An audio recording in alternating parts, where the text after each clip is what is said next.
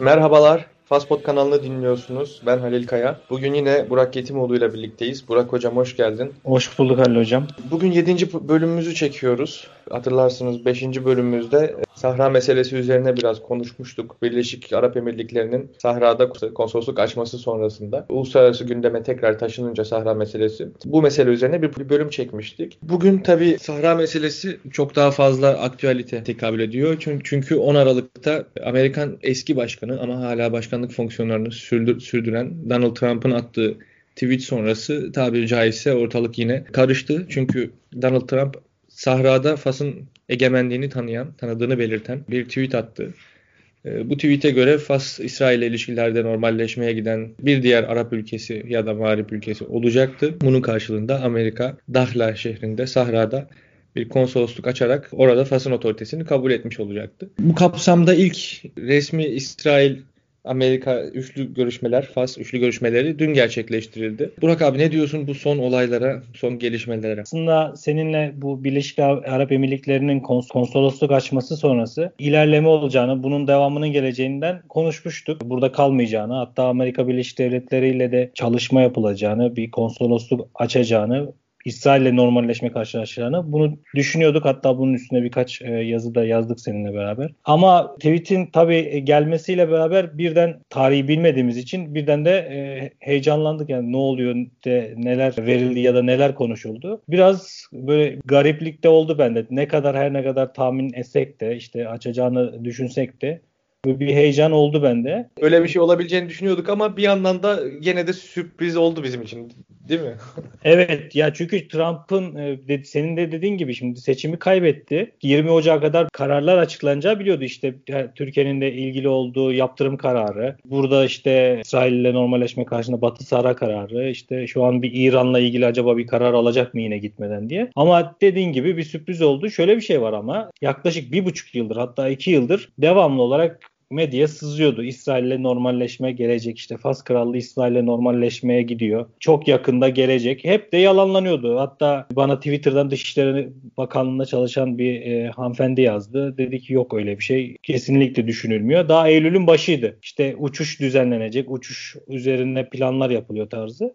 Yani bu kadar çok ciddi yalanlanması hatta e, sen de biliyorsun e, Dışişleri Bakanı'nın açıklaması var. Ondan sonra Osman'ın açıklaması var. Burada sen ne düşünüyorsun yani bu konuda? Fas Başbakanı, mevcut Başbakanı Saadettin El Osmani daha bundan 3 ay öncesine kadar kendisine böyle bir soru yöneltildiğinde Yok asla kesinlikle böyle bir şey söz konusu değil. İsmail İsrail'le asla bir normalleşme olmayacak vesaire gibi bir açıklama yapıyordu. Geçen hafta ikimizin de Burak abiyle ikimizin e, katıldığı Afrika Vakfı bir program yaptı geçtiğimiz günlerde Sahra meselesi üzerine. Orada da bunlardan bahsettik.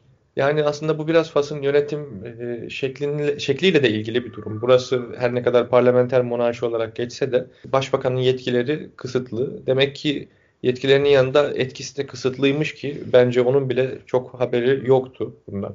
Çünkü Burak abinin sıkça ismini zikrettiği Dışişleri Bakanı Nasır Burita gerçekten çok aşırı etkili bir diplomasi yürütüyor. Birkaç yıldır, son birkaç yıldır özellikle. Her gün mutlaka e, ulusal basında çok önemli bir haberde yer alıyor kendisi. Ve onun ciddi çabaları ve tabii bir takım aracıların, birçok ismi zikredilen e, Yahudi iş adamı, lobici var burada. Zannedersem onların e, aracılığıyla, arabuluculuğuyla Uzun zamandır böyle bir görüşme, bu tarz görüşmeler yürütülüyordu. Senin de az önce altını çizdiğin gibi geçen sene hatta bir yazıda yazmıştık bununla ilgili. De geçen seneden başladı bu iddialar. İsrail'le normalleşme, İsrail'le zaten hali hazırda ticaret kapasitesinin işte rakamlara dökülmüş hali gösterilince epey bir şok yaratmıştı zaten. Çünkü resmi olarak bir ticari ilişki olmadığı iddia ediliyor. Efendime söyleyeyim. Herhangi bir irtibatların olmadığı söyleniyordu. Kısa bir hatırlatma yapmak, yapmak gerekirse Fas İsrail'le daha evvel ilişkileri vardı. Diplomatik ilişkileri ama tabii ki elçilik boyutunda değildi. Rabat'ta bulunan bağlantı ofisi diyebileceğimiz değil mi? Bağlantı ofisi diye çevirebiliriz. Aynen bağlantı ofisi de Casablanca'da olabilir.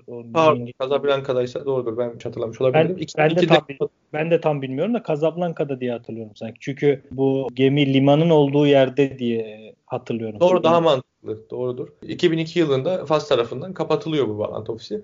Bugün aslında normalleşme dediğimiz aslında Amerika'nın burada Fas'ın otoritesini sahrada tanıması karşılığında Fas'ın yapacağı şey işte İsrail'le normalleşmek deniliyor. Bu normalleşme de Yani doğrudan burada İsrail elçiliği açılmasına müsaade etme, efendim şunu yapma bunu yapma değil. İlk etapta birkaç e, çift iki taraflı mutabakat, e, gümrüğe dayalı, tu, turizme dayalı ve zannedersem yanlış hatırlamıyorsam su suyla ilgili, su yönetimiyle ilgili, suyun kullanımı ile ilgili bir birkaç şeye dayalı mutabakat ve bu bağlantı ofisinin bahsettiğimiz 2000, 2002'de kapatılan bağlantı ofisinin yeniden açılmasını kapsıyor.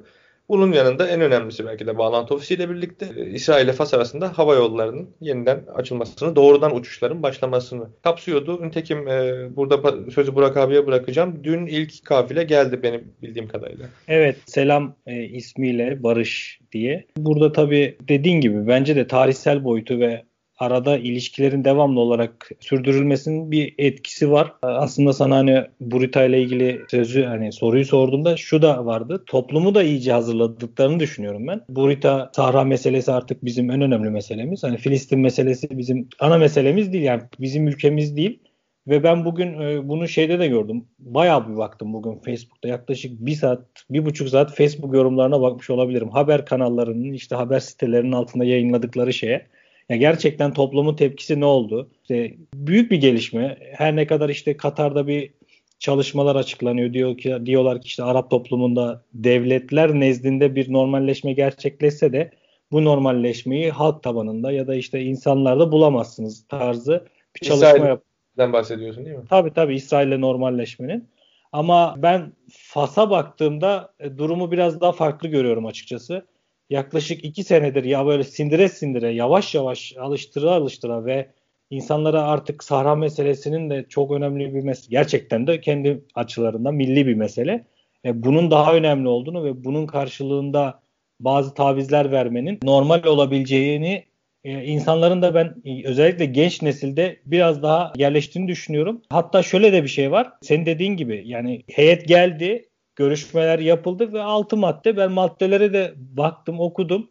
Açıkçası yani tabii tasvip ettim ya da ya bu bana düşmüyor zaten hani tasvip etmek ya da etmemek ama hani çok büyük bir şey yok. Yani çok büyük bir anlaşma ya da işte çok değerli bir taviz ya da böyle üst düzey bir şey görmedim açıkçası. Hani Aynen sansasyon, sansasyon yapacak bir, bir madde ya da bir anlaşma yok ama zaten Fas'ın bugün İsrail ile normalleşen bir diğer Arap ülkesi olarak anılması bile sansasyon yapacak bir bilgi sonuçta. Mutabakatların içeriği aslında çok da bence o yüzden önemli değil. Aynen. Yani şu an internete yazdığımızda işte şu şu şu ülkelerden sonra Fas'ta İsrail'le normalleşen e, Arap Müslüman ülkeler zincirine katıldı diye hemen görüyoruz onlarca makale. Ben burada bir noktada ben sana katılmıyorum. Ee, o da şu daha doğrusu yani tam olarak katılıp katılmamak mümkün değil de ikimiz de aşağı yukarı tabii 2-3 yılımızı burada geçirdik, Fas'ta geçirdik. Sen sosyal medyayı benden daha aktif kullanıyorsun ama ben bu Katar'da yapılan çalışma dediğin çalışmayı Fas açısından tutarlı buluyorum. Fas'taki kamuoyunun, sokaktaki vatandaşın ya da alt orta sınıfın diyelim ekonomik olarak belirtmek gerekirse ben asla bu mevcut İsrail'le normalleşme, İsrail'le ilişkilerin yeniden e, kısmen başlaması falan bunları olumlamak, olumlamamak bir yana yani Filistin meselesi bir tarafa koyulduğunda onların bir değişim, tavırlarında bir değişim olduğunu gözlemlemiyorum açıkçası. Fakat bilhassa yani, konuştuğumuz sosyal medyada çok ciddi bir troll de diyebiliriz. Kendi isimleriyle de olabilir. Fas milliyetçisi böyle bilhassa gençlikte bir hesaplarda çok ciddi bir sayısında artış var ve bu hesaplar zaten Fas devleti ne yaparsa onu kamuoyu nezdinde milleti savundurtmaya, işte kabul ettirmeye çalışır bir pozisyondalar. O noktada evet çok ciddi bir farklılık var ama ben de bugün sokağa çıkıp 10 kişiden 9'una sorsak yani tam olarak olumlayacaklarını düşünmüyorum. Her ne kadar Sahra meselesi tabii ki bir milli mesele olsa da yani Filistin bilhassa Fas'ta bir hassas karın gibi bir şey. Birçok insanın Türkiye'de zannederim gene o kadar göremeyiz ama burada birçok insanın hemen mevzuyu oraya getirdiğini ya da ne bileyim çok fazla savunduğunu, ciddi bir savunucusu olduğunu görebiliyoruz. Ama şimdi şöyle ben şurada şunu da söyleyeyim. Şimdi diğer normalleşen, İsrail'le normalleşen ülkelerden farkı olarak Fas bir kere yani büyük bir şey aldığını düşünüyorum ben. Hani 1975'ten beri bağımsızlığını kazandıktan sonra işte Sahra yürüyüşü, Yeşil yürüyüşten sonraki yani Amerika'nın burada Amerika gibi büyük bir gücün burada konsolosluk açması karşısında normalleşme ve zaten tarihsel olarak da büyük bir bağ olduğunu böyle açıkça tam ifade etmedik ama ya 1961'deki o Yahudi göçünün izni, Kral Hasan'ın işte izin vermesi, sonra işte istihbarat anlamında işbirlikleri, askeri anlamda işbirlikleri. Yani zaten devam eden bir süreç var. Onun yanında Batı Sahra gibi önemli bir meselesi hakkında da bir büyük bir kazanım elde ediyor. Ve bunun yanında da şöyle de bir şey var.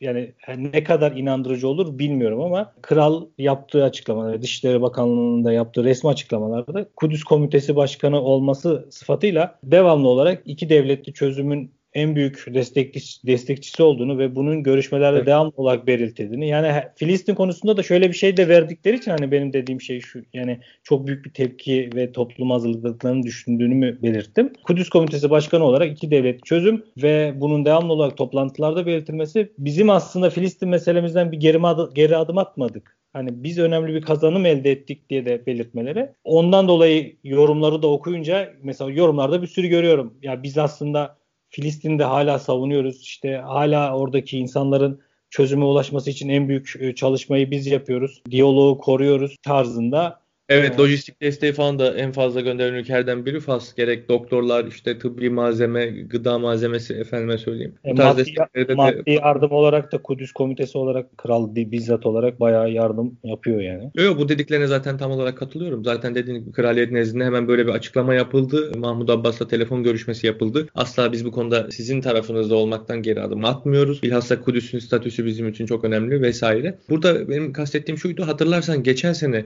ilk defa yaklaşık bu vakitler ya da Ocak'ta Nasır Boyta Dışişleri Bakanı Fas'ın öncelikli meselesi Filistin meselesi değildir, evet. Sahra meselesidir dediğinde bilhassa o zaman ben sosyal medyada görmüştüm. Yani insanlar resmen ikiye bölünmüştü. Nasıl böyle bir şey diyebilir, olabilir, nasıl böyle bir şey, ya, tabii ki böyle bir şey diyebilir gibisinden. Bir yılda da ben senin gibi aslında gerçekten kamuoyunu buna hazırlamaya çalıştıklarını düşünüyorum ama kamuoyunun bunun pek, pek umurunda olmadığını düşünüyorum bir yandan da. Yani Fas'ı sen de benim kadar belki benden iyi biliyorsun. Yani aktüeliteyle, politikayla hem ilgililer hem de çok dar bir perspektiften bakıyor geneline bakarsak. Yani çok kısıtlı bir mesela Fas'ta Twitter kullanımı bunun üzerine hatta bir podcast yapabiliriz bence. Çok çok çok kısıtlı. Evet. Fas'taki vatandaş Facebook üzerinden dünyaya bağlanıyor. Ve bence bu ciddi bir farklılık da doğuruyor. Yani Twitter üzerinden ya da işte Twitter, Facebook kullanımı arasındaki dengenin tam olarak olmayışı, Facebook lehine bir fazlalık olması bence ciddi bir farklılık doğuruyor. Yani ya aslında şimdi şöyle biz bugün bugün yaşadığımız için hani böyle bakıyoruz. Yani benim açımdan. Bir de şöyle de bir şey var. Ya, Camp David anlaşmasında da gerçekten çok büyük katkıları ya da ne bileyim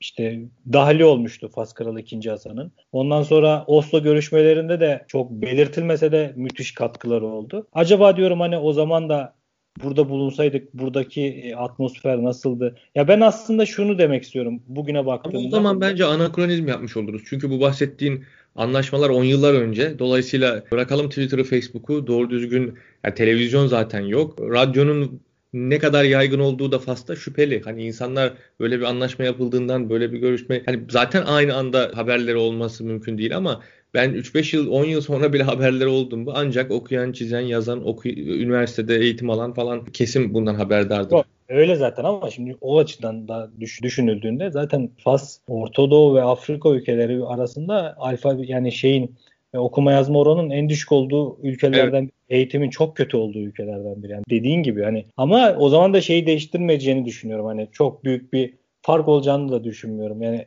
benim sonuç olarak şunu diyeyim hani çok da uzatmak da istemiyorum. Evet bir tepki var ama zaten Fas'la İsrail arasındaki bu öncedenki görüşmeler de sanki insanlarda bir alışkanlık ya da evet zaten bizim bir ilişkimiz vardı. İşte Yahudilerle biz uzun yıllar yaşadık burada. İşte Yahudi göçü oldu. Bir sürü Fas orijinli Yahudi var. Senin dediğin gibi onlar Amerika'ya gidenler, Fransa'ya gidenler e, çok büyük bir Faslı Yahudi diasporası oluşturdu. Hatta bugün bu barış görüşmelerine bu heyetin gelmesiyle birlikte yani onların da çok büyük bir emeği var. Önemli bir noktaya parmak bastın. Araya girdim ama burada esas hani bu sosyal medya üzerinden ya da efendime söyleyeyim belli şahıslar üzerinden kamuoyunu hazırlamaktansa bilhassa bence entelektüel çalışmalarla, akademik çalışmalarla yaklaşık bir 10-15 yıldır hazırlanıyordu kamuoyu ya da işte toplum buna. Yukarıdan aşağıya baş giderek ben öyle düşünüyorum sen de illa dikkat etmişsindir. Şu an Fas'ta Fas orijinli, Fas kökenli Yahudiler, Yahudilerin Fas, Fas'ın Yahudi kökenleri üzerine yapılan o kadar çok çalışma var ki. Çünkü burada Yahudiler yaşıyordu. Evet İslam öncesi dönemde de varlardı. İslamiyet döneminde de burada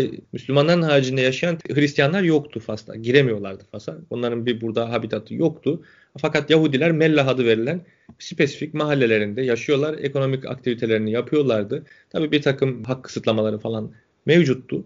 Ama buranın yerli yaşayanlarından, insan, yaşayan insanlarından da bu Yahudiler. Ve bunun üzerinde çok ciddi bir literatür mevcut bugün. Bu literatürde benim görebildiğim kadarıyla son 15-20 yılda ciddi manada şekillenmiş bir literatür. Yani bunun üzerine çalışmak şu an Fas'ta moda. Ee, bilmiyorum sen ne dersin bu konuda? Yani evet doğru diyorsun. Pazarlar hakkında, Yahudi pazarları ya da Yahudi yerleşim yerleri hakkında işte hatta bu şu an dinse, dini anlamda da dini çalışmalarda da mesela coexistos dedikleri bu birlikte yaşam üzerine mesela Yahudilerle Fasların bu yaşam kültüründen oluşan şeyden yola çıkarak bunun üzerine de bir sürü çalışmalar var. Ben hatta master'da bir dersi bunun üstüne aldım gibi bir şey. Bu Meknes'te yaşayan Yahudilerin göç ettikten sonra tekrar işte geri gelmeleri art, hatta ibadetleri bu Yahudilerin kutsal günlerindeki yaptıkları ibadeti buraya gelip burada yapıyorlar. Evet. Belki sen denk gelmişsindir. Hatta Fas Havalimanı'nda indikleri zaman toplu bir şekilde ibadet ediyorlar havalimanında. Ben birine denk geldim.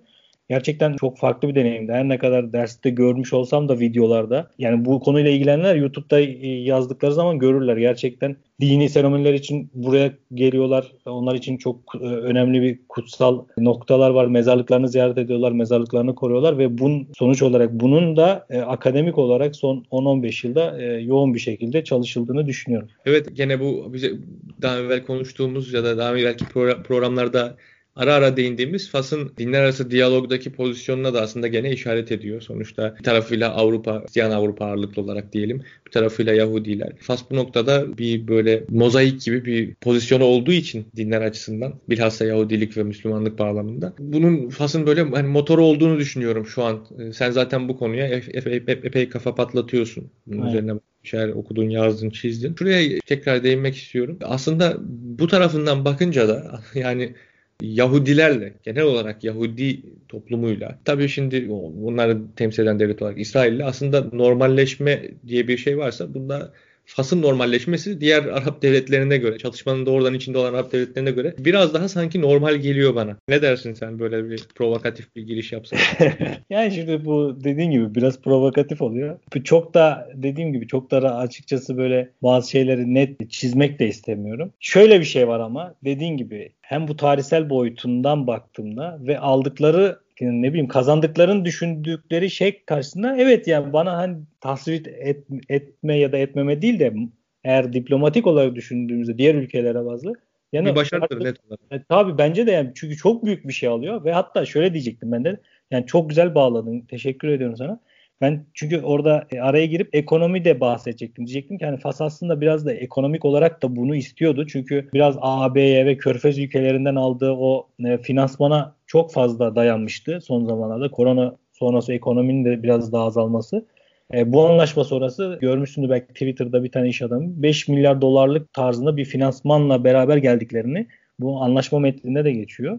Aynen ben ya, 3 milyar diye gördüm diye hatırlıyorum. Bu özel sektöre olan desteği bahsediyorsun değil mi? Destekten bahsediyorsun. Evet. Finansman Bazı özel sektörüne 3 milyar dolar bir katkı yapacaklarını söylüyordu. Hatta evet. doğrudan kralla görüşmüş onları falan aktarıyordu. Aynı kişiden bahsediyoruz zannederim. Evet bu Yahudi finansmanında hani Fas'a büyük bir yatırım yapması aslında Fas'ın burada ya ben şöyle bir söz duymuştum. Gerçekten Fas'ın bence tüm politikası bunun yani yumurtaları olabildiğince farklı sepet yani tüm hepsini bir sepette toplamıyor ekonomik olarak da son zamanlarda böyle bir çalışması olduğunu ya da olması gerektiğini düşünüyordum. Suudi Arabistan'la ya da işte Körfez ülkeleriyle problem yaşaması bu Katar ablukası sonrası ve Avrupa Birliği ile de balıkçılık anlaşması sonrası Biraz aslında Fas bunu zaten hep düşünmeye başlamıştı artık işte Amerika ile ve ya da işte finans çevreleriyle farklı finans İngiltere ile mesela İngiltere finans çevreleriyle daha yakın bir ilişki e, içine girip onların da Fas'ta yatırım yapmalarını sağlama gibi bir girişimleri ol, olduğunu düşünüyorum. Ben öyle okuyorum yani. Teşekkür ediyorum Burak abi. Yavaş yavaş özetleyelim, bitirelim istersen. Ben sana son olarak böyle kısa birkaç cümlede açıklaman için bir soru yöneltmek istiyorum. Amerika'nın bu Trump'ın daha doğrusu 10 Aralık'ta attığı tweet sonrası Amerika'nın aldığı karar, Fas'ı, Sahra'nın faslılığını tanıma kararı her ne kadar Biden'ın göreve başlayınca bunu iptal edip etmeyeceğini bilmesek de iptal etme gibi bir durumun daha evvel karşılaşılmadığını hesaba katarsak iptal etmeyeceğini düşünüyoruz. Amerika'nın bu kararının Sahra tartışmalarını yakın bir zamanda ya da kısa orta vadede nihayete erdireceğini düşünüyor musun? Sonuçta Amerika bu kararı alan. Açıkçası düşünmüyorum. Çok fazla düşünmüyorum yani. Hani şöyle tek taraflı bir çözüme iteklediğini düşünmüyorum yani. Tamam hadi evet Fas tanındı bitti olay gibi bir şey olacağını düşünmüyorum.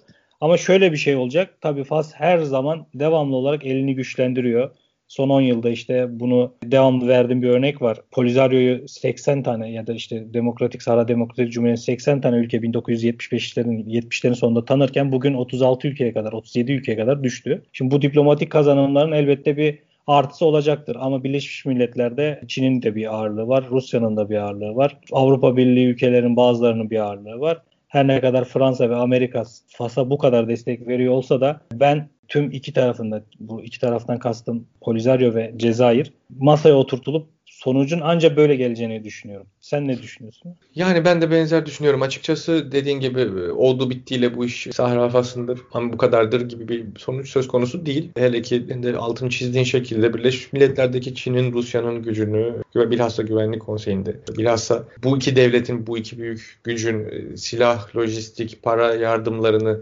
kesmeyeceğini düşünürsek yani bu çatışmanın yakın bir zamanda son bulması söz konusu değil ama Yine sen az önce çok güzel ifade ettin. Uluslararası anlamda diplomatik olarak tırnak içinde Sahra Demokratik Arap Cumhuriyeti tanırlığını nasıl diyeyim lejitimitesini yitirdi. Yitirmekte Polisario gitgide marjinal bir örgüt olmaya başladı ki daha öncesinde böyle değildi birçoklarının gözünde. Gerçekten hakkını arayan bir toplumu temsil eden bir örgüttü vesaire. Artık yer yer IŞİD ile bazı bağlantıları bu sahel bölgesinde yer yer başka bireysel durumlar Polisario şeflerinin üzerinde bireysel durumlar. Onu biraz daha marjinalliğe itti diye düşünüyorum. İstersen burada bitirelim. Fastpod kanalını dinlediniz. Bugün Burak Yetimoğlu ile birlikte Amerika'nın Sahra'da Fas otoritesini tanıması üzerine bir bölüm, bir program icra ettik. Bir sonraki bölümlerde görüşmek üzere. İyi günler diliyoruz. İyi günler.